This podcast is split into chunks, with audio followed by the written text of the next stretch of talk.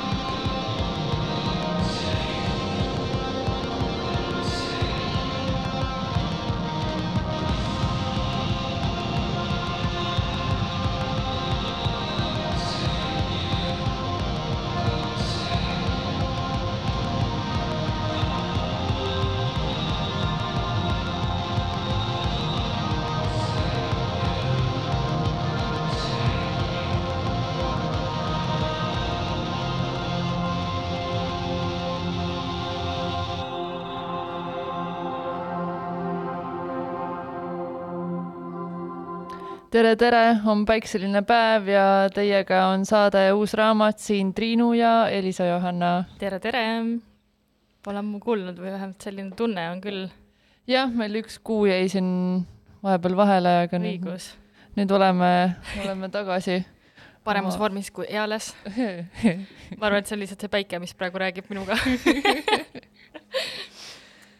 nii, ja mis meil siin täna kaasas on? enne veel kui ja. me läheme kohe raamatute juurde, siis äh, paar teadaannet. Äh, homme ehk siis üheksateistkümnendal äh, aprillil kell kuus toimub meil vestlusring Puendis, kus räägitakse illustratsiooni rollist laste ja noorte kirjanduses.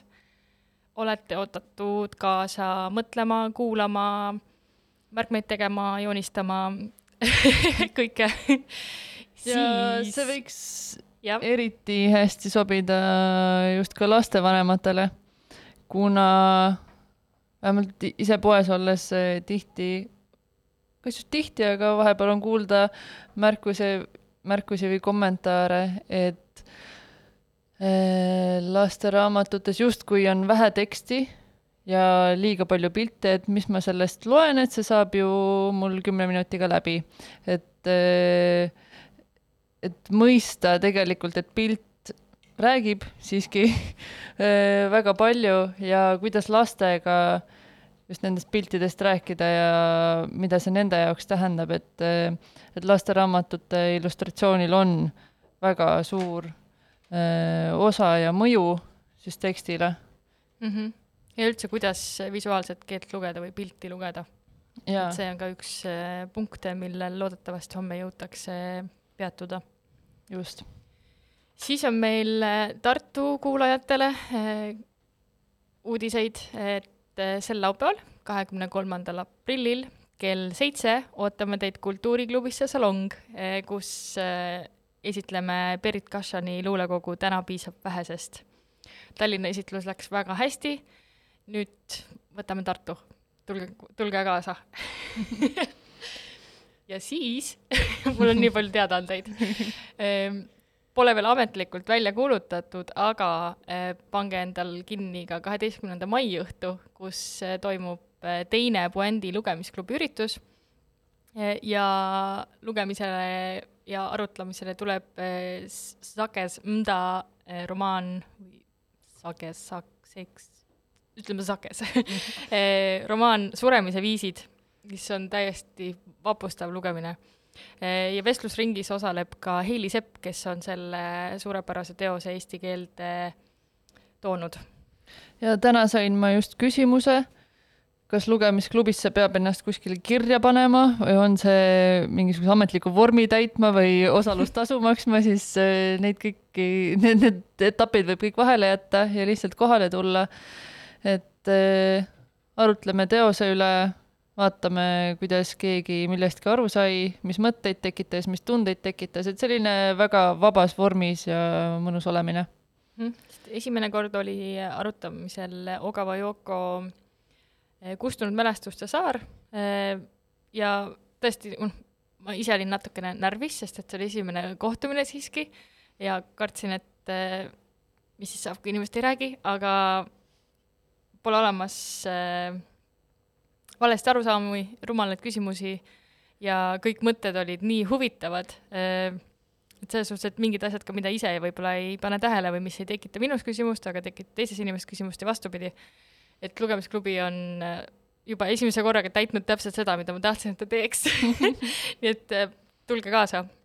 ma kutsun kõiki kaasa endaga tulge kaasa et võite Elisa sappa ennast lihtsalt seada ma arvan, et see on see päike endiselt.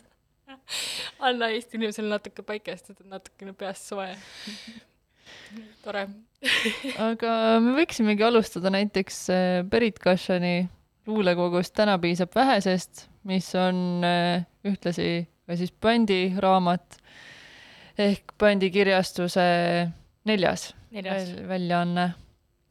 Äh, me oleme väga, väga uhked, et Berit oli nõus meiega koostööd tegema ja kogu on muidugi lugemist väärt. aga Elisa, mis, mida, mida, mida sulle öelda mm,? mul oleks ette kogumiku äh, kaane peale äh, pandud äh, sõnad, sest minu meelest need iseloomustavad Periti luuletaja keelt või luulekeelt väga hästi. ma usun, et kuu tagant läheb tee. Ma usun, et selgitused, kuhu see viib, on alati olnud peidetud maailma instrumentaalmuusika paremikku. ma usun, et iga sõna sisim soov on vaikusele meeldida. Beritil on see, täna piisab vähe, sest on Beriti kolmas luulekogu. ta kirjutab, ma saan aru, jooksvalt kas just palju, aga ta kirjutab pidevalt jooksvalt, aga ta ei taha tingimata kõike avaldada. mul tunne, et see, et noh, et see iga sõna sisim soov on vaikusele meeldida, et see ütleb Äh, üht-teist Beriti looja natuuri kohta ja mulle tundub ka, et äh, selles väikeses lõigus, mis on pärit ühest luuletusest siit kogumikust, on Beriti kujundi eeliseid või eelistusi näha, et talle meeldib kasutada natuke mütoloogilist, veidi sellist unenäolist ja samas see kõik siis põimida väga igapäevasesse. ja see, see see kooslus on äh, väga nauditav ja mõjus. ja mul endal äh, tekkis äh, seda kogu esimest korda lugedes tunne, et et tahaks ka kuidagi kas tähele panna või kogeda asju nii, nagu seda teeb Berit, et mingi, et osad sündmused elust lihtsalt, lihtsalt lähevad mööda või kuidagi mm,. lihtsalt juhtuvad, sa mõt-, võtad seda nii igapäevaselt või nii tavaliselt, aga see, et osata nii kaunisti need välja tuua või kuidagi ära märkida, et see on, see on väga äh, kena oskus. ma loeks ette selle kogumiku avateksti, mis, äh, kui käsikiri esimest korda arvutis avanes, siis see, see avatekst oli juba paigas. Äh, see ei olnud lõpuni kindel, et see, see jääb avatekstiks, aga mulle tundub, et see, see pidi nii olema, jah, see on täpselt, see on täpselt selline hakkame nüüd vaikselt minema. Aga teksti enda nimi on Vaistlikult. ma ju tean, et mu nigelate kingadega, viledates kuubedes ja moest läinud kleitides kaitseinglid pole ammu puhata saanud. Nende graafik on häbiväärselt tihe harjumuspärases stressis süvenevad vaod näos, pingutavad nad pidevalt, et hoida ülal taevast, mille all iga päev saan mina heituda oma troostitust saatusest. täpselt nii palju kordi, kui ise soovin. suurem osa neist enam ei mäletagi, mis tunne oli ne-, lennata. tiivad on kangeks jäänud. Nii mõnigi on üle pinge ja eneseteostusvõimaluste puudumiste tõttu uuesti suitsetama hakanud teine on omandanud sama harjumuse lihtsalt selleks, et vahepeal kätt puhata. osal on siiski natuke vaheldusrikkam töö, peatada liikluskeeristes autosid, kui ma jälle foorituld märkamata teele astun, või avada uksi, millest ma lõpuks siiski sisse astuda ei suvatse. öösiti rivistuvad nad kõik ümber mu voodi. ma ju tean, kuulen nende pekslevaid südameid ja palvete pominat, aga ma ei vaata kunagi. häbi on sest aiman, et neid on kohutavalt palju. Beriti eelmise luulekogu Hommikune vahetus avatekst mõjus mulle samamoodi, et ma tahtsin näha, mis, mida see raamat endas veel peidab. et tema eelmise luulekogu avatekst rääkis sellest, kuidas kauaoodatud ime jääb sündimata, et kõik võivad nüüd vabalt võtta. et, et see on kuidagi samamoodi, et seal on nagu mingi selline müstiline element eh,, aga võta vabalt, nii on lihtsalt ja see, et eh, niimoodi peenelt eh, elu üle nalja visata ka mm, -hmm. on oskus, mis Beritil on eh, hästi omandatud. ja enda üle ka nalja teha mm. -hmm. et kuna see kogu on minu meelest väga tema enda nägu, tema enda häälega, et äh, Ehm, ma tahaks, et kõik, kes äh, seda loeksid, et nad teaksid Beritit ka isiklikult vist et siis, äh, siis lisanduks mingisugune äge kiht veel sinna juurde. aga ma arvan, et ilma need toimivad ka väga hästi. kindlasti või, või ma vähemalt loodan seda, sest Berit inimesena kindlasti tahaks, et et see luulekogu äh, mängiks ka ilma selleta, sest et talle meeldib yeah. olla nagu, et autori hääl ja autori isiksus ei lähe nii, niivõrd kokku mm. -hmm. see luulekogu tegi mulle ühe vimka ja pani mul käest jooksu, ma lihtsalt äh, selle peale, et sa ütlesid, et see on väga tema moodi, see kogu, siis mul tekkis, ja see nalja tegemine, siis mul tekkis tahtmine lugeda ette üks tekst veel mille kohta üt-, ütles äh, üks puändi sõber ja suur lugeja, et see võiks olla selle raamatu hümn kui seal peaks valima narrinurr. narr, narr, narr, nurr. mis hääl see on? see on ju narrinurr. see on rõõm vastamata armastuskirjast ja rahulolu ebaõiglaselt kõrge trahviga. see on elu absurdile alistunud inimese rõõmuhüüe. see on narrinurr. see on tunne, et tuleks pakkuda end sõpradele kolimisele appi ka siis, kui oled ise olnud päevi magamata. see on seenelkäik kell pool kuus õhtul kindla plaaniga kõht täis saada. see on elurõõm, mis võrsub valearvestustest. see on narrinurr, stiilipuhas narrinurr. viimasest rongist mahajäämise lust. nauding prillide kaotamisest ja õunakoogis suhkru asemel soola kasutamine. see on vabanemine ootustest, see on võimalus uuele, see on elu, mis, mille tähendus tiheneb läbi alternatiivide ja veendumus, et just sina oledki see igavene ja lollikindel jumalate plaan B. et ähm, selles äh, luuletuses on täpselt, täpselt koos need elemendid, mis me siin äh, loetlesime, mul on selline tunne. aga jätkame samuti luulega äh,. hiljuti hiljuti vist kaks nädalat tagasi, isegi vähem, tuli välja Tõnis Vilu uus luulekogu Kõik linnud valgusele äh,. Kümnenda numbrina.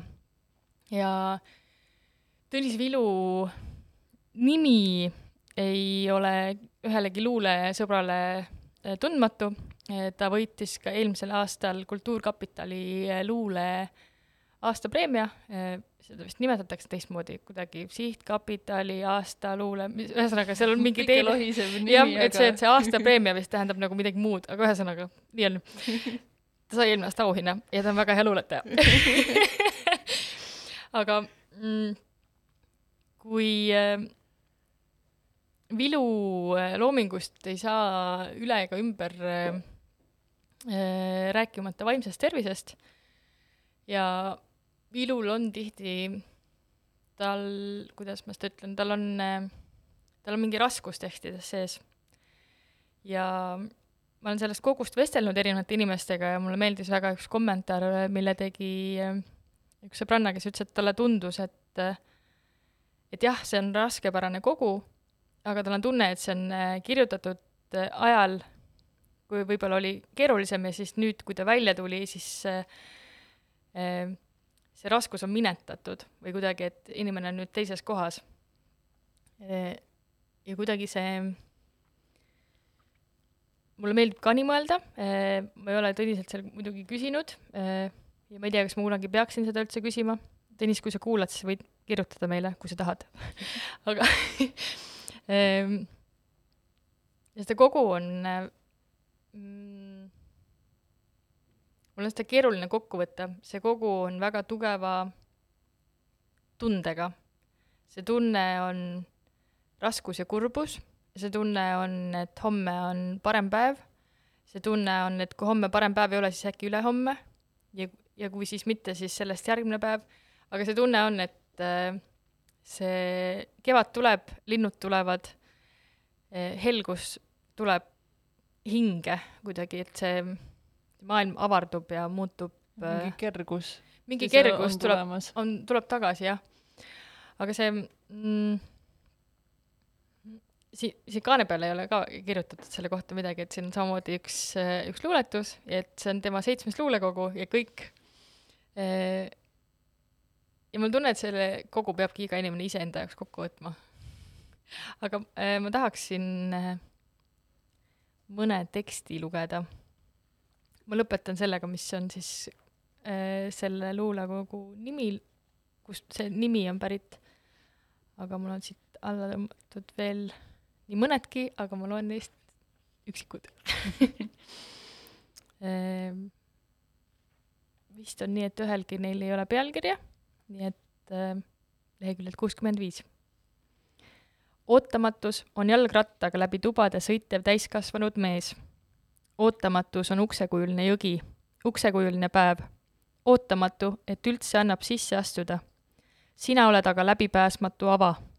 Sõbrad räägivad, et sa olidki ju tegelikult kinnine ja endasse tõmbunud.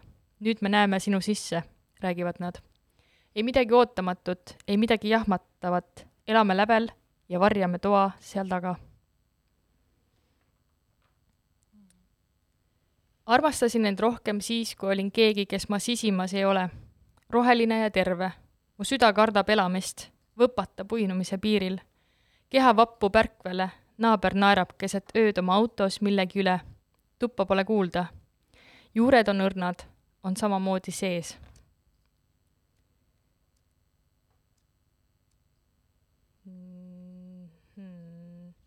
kaks tükki veel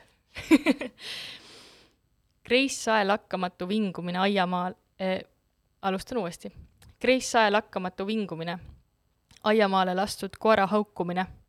Korterelamu tuuliste põldude vahel üks väike tuba. on sinine müts, mida täna muudkui silmilt üles nihutan. tulen valgusest, veri taga ja valgusel endalgi on veri taga.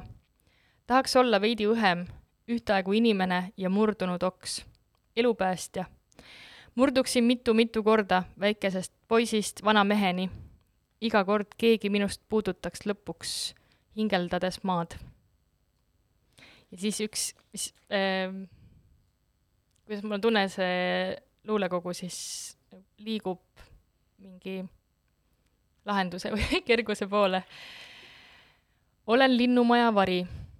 kas nüüd just sellepärast oli vaja arsti juurde minna, kes teab, vastukaalutus ei lase enam uksi avada. meri juhub mu läbi seinte, olen sama kerge, kui on kaotada kõik, kõik linnud valgusele. Mul tekkis ka soov seda lugeda, ma tegelikult enne, enne kui sa neid siin ette lugesid või tutvustasid, siis äh, mul on tunne, et mul on vaja seda lugeda, aga pole, pole küll kahjuks jõudnud, aga nüüd pärast saadet kohe loen. Ta on äh,, mulle jõudis ta postkasti ja mul oli küll plaanis äh, rongi peale teine raamat kaasa võtta, mille ma panin ka kotti, aga siis ma võtsin postkastist luulekogu ka kaasa. Ja siis ma tundsin, et ma pean ennast äh, piirama, sest et ma siis hakkasin ahmima neid tekste. et äh, ma loen küll luulet nii, et ma loen äh, loen esimese korra kiiresti, siis ma loen sama teksti veel korduvalt, siis ma hakkan vaatama, mis seal, mis seal toimub ja mis minu jaoks, mis seal toimib ja, ja siis iluga mul kuidagi tekkis selline nagu mingi veel, veel, veel, veel, veel, veel, ära kunagi lõppe, aga siis ma sain aru, et selleks, et ta ei tohiks lõppeda, siis ma pean ta ära panema et mitte lihtsalt nagu järjest ära süüa. Mm -hmm. täpselt. ja Tõnise, Tõnis Vilu luulekogu Tundekasvatus voodidest ei ole saada, raamatukogudest on, kindlasti soovitan. ja kui ma nüüd ei eksi, siis peaks teema siis nüüd tagantpoolt järjekorras kolmandat e, e, oota, eel-eelviimast, kuidas, jah. Mis see sõna on? E, selle luulekogu nimi on Libavere. mul endal ei ole teda enam, et ma pean uuesti hankima, sest ma kinkisin selle ära ühele sõbrale, kes mulle tundus, et on ähm, vaimselt Äh, füüsiliselt kuskil veidras äh, vahekohas. Ja ma tundsin ta pärast muret ja ma tundsin, et, et mit-, selle asemel, et talle öelda, et kas sa tahad nagu või kuidagi, mul, mul tundus, et ma ei saa talt küsida, et mis tal toimub, aga ma viisin talle selle raamatu ja ma küsisin talt pärast.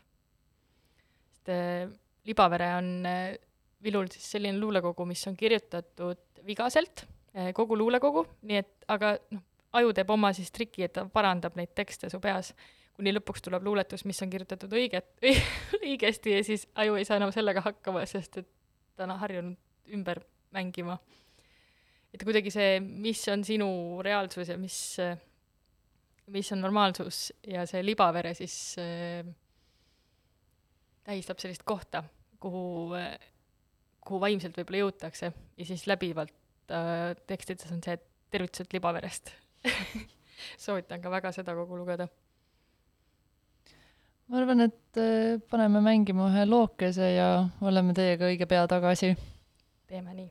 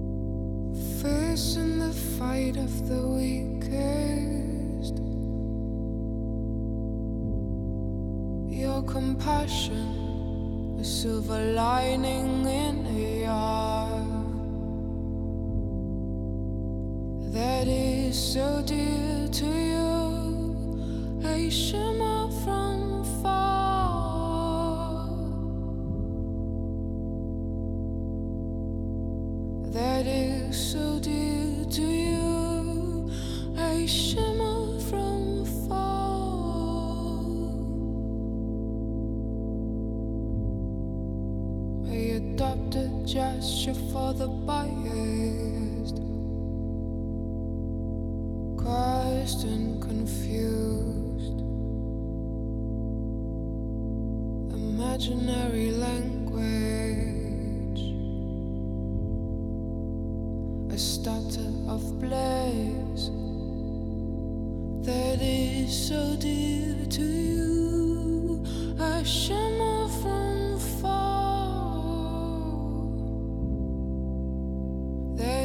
so dear to you. I shimmer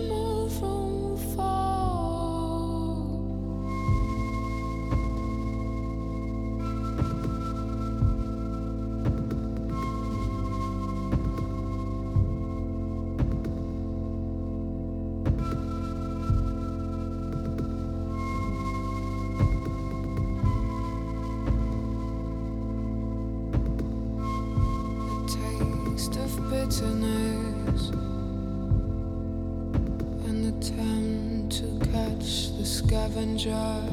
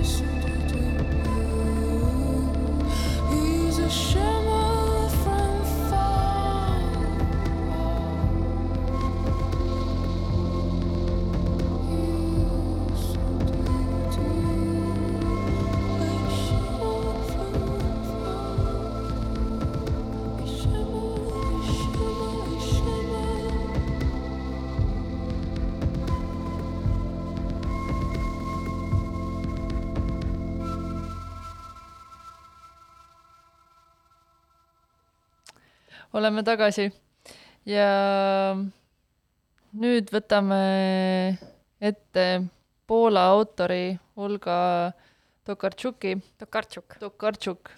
ma, kogu aeg unustan ära, kus see ehm, rõhk on, tahaks eestipäraselt öelda kõike.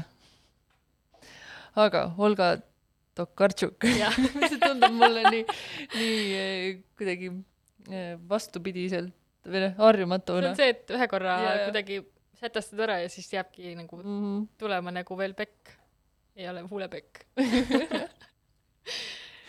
aga nii, lähme temaga edasi. sel aastal tõlgiti eesti keeles ilmus ühe raamatu otsijate teekond, mis originaalis on ilmunud tuhat üheksasada üheksakümmend kolm aastal ja see siis sai ka või pälvis Poola Kirjastajate Liidu auhinna ja see oli Olga debüütromaan. see on ainus romaan, mis ma temalt lugenud olen. väidetavalt on siin raamatus alged tema teiste romaanide ja raamatute jaoks, et sina võib-olla siis, Elisa, oskad kommenteerida, kui ma natukene lähemalt sellest raamatust räägin, et kas, kas on midagi, mida võib järgmi-, järgmistes tema raamatutes oodata aga ma praegu lihtsalt hakkasin mõtlema, et milline äh, Tokartšuki raamat esimesena eesti keelde üldse tõlgiti. kas sul on aimu? Äh, see on emb-kumb, kas siis äh, Päevamaja, öömaja või siis Algus ja teised ajad. Ma võin kohe mm -hmm. järgi vaadata, et see nüüd tema debüüt on siis viimasena jah, et praegu viimasena on tõlgitud tema kõige esimese, esimene raamat. aga see on lugu mm, mis äh, leiab aset tuhande kuuesaja kaheksakümne viiendal aastal, kus Pariisist äh, hakkab üks seltskond mm, taga otsima ühte raamatut, suure, raamatut suure R-tähega. et selles siis, äh, et sellesse raamatusse on kätketud teadmine, mis võib muuta maailma saa-, saatust või siis olla igavese nooruse allikaks et seal on mingi, selles raamatus on peidus mingid teadmised, mida, mida kõik peaksid ihaldama või mis oleks selline elu muutev kõigi jaoks. aga see ei ole kindel, et see raamat olemas on aga, aga ühel pundil siis on uskumus, et see, et see on ühes kloostris, mis asub äh, Prantsusmaa, Hispaania piiril ja nad äh, siis lähevad teele. ja see, selles seiklus, see on nii, see on nii seiklus kui armastuslugu ühes, et see teel olemine siis nagu kõikides, ma arvan, rändamistes äh, kohane, et siis tee peal juhtuvad. Kõiksugu asjad, kohtutakse erinevate karakteritega, kes muudavad selle teekonna käiku. Mm, sekeldused tulevad, erinevad probleemid ja samas ka nende inimeste vahelised suhted, et kui sa oled väga kaua aega teel koos, et siis hakkavad hõõrdumised, armumised, rivaalitsemine mingis mõttes, et see kõik, kõik käib selle juurde. Äh, siia raamatusse on ähm, pandud päris tegelikult ei ole, tahtsin öelda palju, aga tegelikult ei ole palju. Veidikene parajas koguses äh, müstikat ja äh, ulmet, mis, äh, mis on nii ehedalt kirjeldatud, et sul tundubki, et see võiks täiesti päris olla või sa hakkad juba enda reaalsustes või teadmistes kahtlema. Ma, ma ei saa neid reeta kahjuks, neid asju, sest, sest need on kuidagi võtmetähtsusega võib-olla, aga, aga ma ikka ühe, ühe ma reedan. No reeda. Nad oma teekonnal kohtuvad ühe perega, kes elavad kalju sees kõrgel, kõrgel mäe sees, koobastes põhimõtteliselt ja nad on ennast nii-öelda ühiskonnast eraldanud aga see mees, kes seal elab, tema on äh, kasvatanud siis valmis ühe äh, inimesel laadse asja. ehk siis ta on äh, äh, ta on spermast ja verest kasvatanud kokku ühe inimese, kes näeb inimese voodi välja, aga ta elab siis äh, klaaspurgi sees ja, ja see, kuidas seda olendit oli kirjeldatud, kuidas ta oli saadud, kuidas ta on tehtud ja see, mis mulje ta jättis nendele rändajatele, kes seda nägid. et see kõik oli nii võimsalt kirja pandud, nii õõvastav samal hetkel, aga samas nii huvitav, et äh, siis mul tol hetkel mul tekkis äh, see mõte, et kui sa oled kirjanik ja sa leiutad selliseid asju, et, et kuidas sa kirjutad, siis mõtled, ahaa, ma nüüd, ma nüüd alles üllatan neid lugejaid või nagu ma, ma tahaks seda teada, mis koha pealt äh, tulevad sellised mõtted või ja et, ja et sa, et sa suudad seda ka lugudesse sisse põimida. et see kõik tunduks nii reaalne et see on väga, väga huvitav oskus. aga jaa, ühesõnaga rändamine, teel olemine, kannatused sellel teel olles, et raske, külm, toit saab otsa, pole magada kuskil, et kõik need käivad kogu aeg selle, selle looga kaasas võiks loota, et lõpus tuleb mingisugune pääsemine või, või äh, äh, või selline suurem lahendus või kuidagi sa elad nii nendele tegelastele kaasa, et tahad, et neil läheks hästi. Nad, noh, reedan sellega, et neil, neil, neil ei lähe hästi tegelikult lõpuks. aga ma loen äh, siin lõpusõnad, see ei olegi minu meelest nii äh, nii oluline võib-olla selle raamatu juures, et et see tegevustiku ajakava või pigem just see, et kuidas on neid asju edasi antud, et see on, see on nii kena. kena on võib-olla veits vale sõna mm.. meisterlikult lahendatud. meisterlikult, jah. aga ma loen siit lõpust, täitsa, täitsa lõpust ühe mõtte. Kauš ei ole kogu selles loos tähtis isik nii nagu ka kõik teised siin ilmuvad isikud. tegelikult ka lugu ise ei ole tähtis. kuna ettekavatsetud siht jäi saavutamata, kaotab selleni viiv tee tähenduse. ei jääda mäletama pürgimusi, mäletatakse üksnes saavutusi. et siis see raamat jah, illustreerib väga hästi seda, kuidas meil nii ajalooliselt kui enda võib-olla eraeluliselt ka jätame meelde ainult need tipphetked, aga see, et kuidas nendeni jõuti, et need, need kustutatakse justkui või et need pole ole, olulised või kui ei saavutata tõesti jah, eesmärki, siis, siis just nagu neid tegusid poleks olnudki mm. -hmm. tõid küll välja erinevaid aspekte, mis on tõesti ka teistes teostes aga seal noh, see ränd kui äh, seisund, et mitte võib-olla ainult ka füüsiliselt, vaid ka vaimselt nagu erinevatesse mm -hmm. kohtadesse liikumine. ja siis, kui sulle see, see õõva aspekt meeldis, siis seda saab ka ka teistes raamatutes. jaa, et tal äh,, ma ei ole ka uurinud tema, tema huvide või tema kirjutamisviiside kohta, aga mulle tundub, et ta äh, ta läheb süvitsi eh, erinevatesse teemadesse sisse ja kirjutab eh, neist siis äh, detailselt, näiteks lahkamisest või siis esimestest avalikest lahkamistest ja kuidas nagu keegi kodus mingi oma seda lahust teeb, et kuidas kodus säilitada mingeid asju.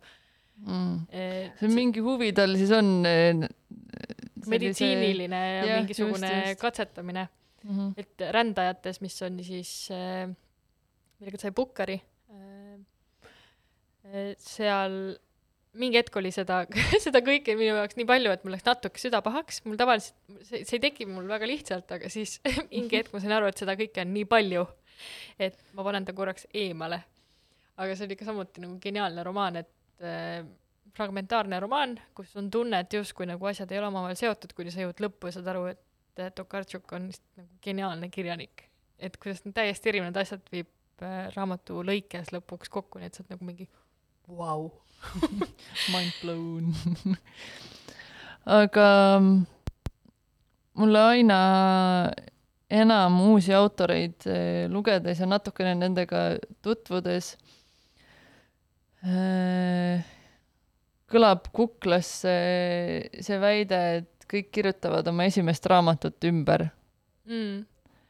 et neil on mingi asi, mis ja. vajab lahendamist pidevalt. just, ja mul on jah, aina enam leiab see kinnitust, et et, et esimene raamat, mis kirjutatakse, siis järgmised on kõik selle ümberkirjutamised või et mingisugune temaatika, mingi tuum on äh, sama, mille ümber siis luuakse seda. Et see on, äh, mul, mul on aina enam tunne, et peaks võtma autoritena ette kohe mm. -hmm et aga siis võib ka tüdimus tekkida. võib et ka tüdimus tekkida, jaa. ongi tarvis nagu mingit hingamisaega sinna vahele anda, et äh, et vaadata edasi. lugesin selle George R.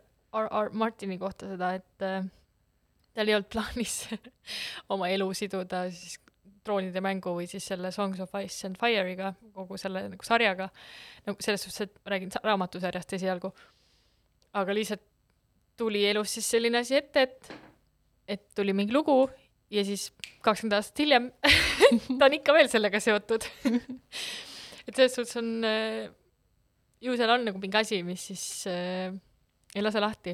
ta ütles ühes dokumentaalfilmis selle kohta, et, äh, et ta kardab ka, et mis siis saab, kui tal enam ei tule et noh, et kui see ütleme, muusa või et kui see ära läheb, ta ei, nagu, et sellele päevale ka ta ei taha mõelda ja siis on võib-olla lihtne, siis on lahtilaskmine ja, ja siis ongi kõik. siis saab minna te teiste asjadega edasi. ja võib-olla see on jah, tol hetkel siis juba keeruline või praegusel hetkel keeruline ette kujutada, kui, kui ei tea, mis elu toob seda kindlasti. Kas sa tahad võtta järgmise? kumba sa, Triinul on äh, dilemma mm., tal on raamat mitu tükki veel laual, aga ta ei tea kummast, kumma juurde minna. ma võtan äh, selle, mida on Elisa ka äh, lugenud, mis on äh, praegust aega arvestades eriti äh, päevakohane ja räige ja kui kui kõikidest nendest sõjauudistest ja õudustest ei ole veel piisav, siis äh, võib ette ka võtta sellise raamatu nagu Hoitud maja äh,, mille autor on William Frederick Hermans, mis tegelikult ma mõtlesin tükk aega, et kas ma tahan seda lugeda või mitte, just praegu situatsiooni arvestades. Äh, aga ma arvan, et see oli, see oli kuidagi avardav minu jaoks, samas ka, samas ka veel rohkem õudu tekitav või kuidagi seda olukorda rõvedamaks tegev. aga lugu on siis ähm, räägitud läbi ühe partisani silmade, kes on äh, siis sõjast väsinud, kõigest tüdinud ja mm, segaduses. aga siis ta leiab, see on siis kirjutatud Teise maailmasõja viimastest kuudest või umbes niimoodi. Äh, ja ta leiab ühes kuurortlinnas luksusliku villa kuhu ta ennast sisse seab. Ehm, ta jah, märkab, et seal ei ole omanikke, kõik on nii nagu, nagu keegi oleks lihtsalt äh, see, keegi oleks just lahkunud, just lahkunud. seal vist oli isegi supp oli valmis. supp oli veel äh, pliidi peal, soe. Äh, siis kujutada ette sõjast räsitud meest, kes leiab luksusliku villa, siis ta peaaegu nagu vaheldab ennast sinna külge, mitte küll otseses mõttes, aga äh, see tegevustik hakkabki sellest hargnema, et ta ei taha sellest lahti lasta ja ta ei taha sealt ära minna. käib vannis, puhkab, äh, saab süüa kenasti, kõik tundub nii-öelda sõja mõistes ilus, kuigi tal ak-, akende taga tom-, pommid äh, plahvatavad ja Äh, näeb akendest, äh, kuidas kõrged leegid on ümberringi peaaegu. aga siis selles villas olemine annab siis talle seda puhkehetke. aga järgmisel päeval kohe äh, tiriseb uksekell ja siis äh, ukse taga on sakslased ja ta peab järsku mm,, teesklema, et on selle maja omanik. et ta, tema äh, haldabki seda, kuigi seda ta muidugi ei ol-, ei teinud ega ei olnud. ja siis äh, ta suudab need päris hästi ära veenda mm,. seal tuleb mängu siis see, see autor mängib äh, nii hästi selle kuidagi inimlikkuse aspekti peale, et kuidas sa oled enda heaolu nimel mm, valetama, tegema pea ükskõik mida, et äh, et siis äh, kuidagi ise ellu jääda.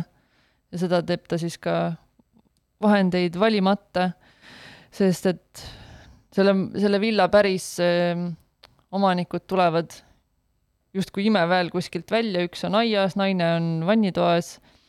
Ja siis ta tapab nad äh, jõhkralt ära, et alguses küll on tunne, et see partisan on see, kelle poole justkui selles loos peaks hoidma ja sakslased on need, kelle vastu peaks olema, aga siis ta näitab, et tegelikult kõik on justkui äh, oma baasolemuselt kurjad, et tapetakse mm, valimatult ja selline, selline õõvastav ja... Äh, selline elu illusioon minu arust väga hästi välja, et, et milline inimene on võib-olla rahuajal ja milline ta on sõja ajal ja milliseid valikuid ta teeb, kui valikud on nigelad, kergelt öeldes. et seal see, see õõv on minu arust sellega, kuidagi see vastandite mõjul, et kui sa leiad koha, kus sa saad ennast sisse seada, puhtaks pesta, justkui nagu normaalsesse ellu naasta, mis kohe küll nagu uuesti ära võetakse mm, -hmm. et kuidas ta, nagu sa ütlesid, tahab ennast aheldada selle normaalsusega, sest äh, ta ei luba neil sakslastel seal majas äh, läbustada. Jah, aga sa, aga siis tulebki selline pöördemoment ka, et kus äh, Äh, võim siis selle ala peal äh, vahetub ja siis tulevad hispaanlased. Ehk siis kes seal oli kirjas, et võidujoovastuses või sellised nii-öelda ülemeelikud partisanid, kes peaks justkui tema poolel olema, aga nad tulevad ja nemad hakkavad siis seal villas tohutult läbustama, lõhkuma, kõik trambitakse puruks, klaverit visatakse tagurpidi, häda tehakse lillepottidesse, kõike, mis saab teha, siis kõik, noh, kõik lihtsalt lõhutakse viimseni ära, kõik lagastatakse ära. et see, see mõjus mulle vist kõige rängemalt isegi selle raamatu juures, sest ma kujutasin nii teravalt ette seda, mis toimub Ukrainas, et kui Vene, kui on näha neid äh, pilte ja videosid, et kuidas äh, venelased on rüüstanud teiste mm -hmm. kodusid, et siis mul see pilt lõi nii tugevalt kuidagi käima. oma versus võõras, et sa ei, et sa ei hooli sellest võõrast absoluutselt. jaa, et kui kellelgi teisel on paremini, siis, siis justkui peaks, peaks tegema nii, et tal oleks vähem ja siis peab kõik ära lõhkuma kuidagi rüüstama, maa, maatasa tegema. see on, selles suhtes on hästi mm, petlik raamat, et on niisugune pisikene ja ohutu ja siis siin vist neljakümne lehega, üsna lühike, on ta selle, kogu selle sõjaõõva kokku võtnud. See on tõesti hingemata, hingemata lugemine. see on, ja selle kohta on öeldud ka, et see on üks paremini kirjutatud öö, sõjaromaan, no romaan on vist selle kohta natuke palju öelda, aga aga tõesti nii väheste lehekülgede peale on kogu selle sõja olemus kirja pandud. täiesti uskumatu. see oli küll minu jaoks selline vapustus. Ma ei osanud ka sellest oodata midagi nii jõhkrat või sellist, nii palju tundeid tekitavat mm. -hmm aga siis mm, ma panin see endale kirja ka mm,, et seda lugu juhib justkui tume maailmapilt, et tsivilisatsioon sellisena, nagu me seda tunneme, on vaid õhuke spoon, mis katab inimloomuse koleduse. siis ma jäin ka selle peale mõtlema, et millised me siis päris, kas me ilma tsivilisatsioonita oleksimegi sellised hirmsad olendid või on see siis pigem nagu sina, Elisa, välja tõid, et see rahu ja äh, rahuajal ja sõja ajal äh, eksisteerimise küsimus, et kus millised asjad meil välja löövad? milline on parasjagu see reaalsus nor- või mingi jah, norm, norm jah mm. -hmm. et kust maalt, kust maalt lähevad piirid mm. -hmm. Um ma, ma tahan nagu uskuda inimeste headusse ma saan aru, et see on praegu, eh, arvestades ka sõda ja seda raamatut ja kõike, et see on nagu mingi naiivne äh, lootus, aga aga siiski seda, seda peab säilitama, sest muidu me läheksime vist täitsa allamäge kohe kõigega. et kui meil seda lootust ka veel ena-, enam alles ei oleks et meil on siin veel siiski headust ja me saaksime ka teistmoodi toimida mm. -hmm. Ja nüüd läks jube tõsiseks, läks ära see värk. päike läks ka natuke pilve taha see on see päike aga suurepärane raamat Kerti Tergemi tõlkes eh, eelmise aasta Loomingu Raamatukogus ilmunud eh, endiselt saada eh, poodides ka meie juures. et tõesti väga-väga hea ja siin minu arust täiesti omaette legendaarne on Kerti Tergemi järelsõna esimene leht. Jaa. kas sa loed selle ette? loen. kõige suuremad vääritimõistmised tulenevad sõnadest. seepärast vaikin selle raamatu kohta terve lehekülje. täpselt, et seal on jäetudki üks lehekülg siis tühjaks. ja see on see on ka väga märgiline. see on väga märgiline, see on selle raamatu kontekstis täiesti nagu ainuõige. Ja, ja, ja siis äh, järelsõnas on äh,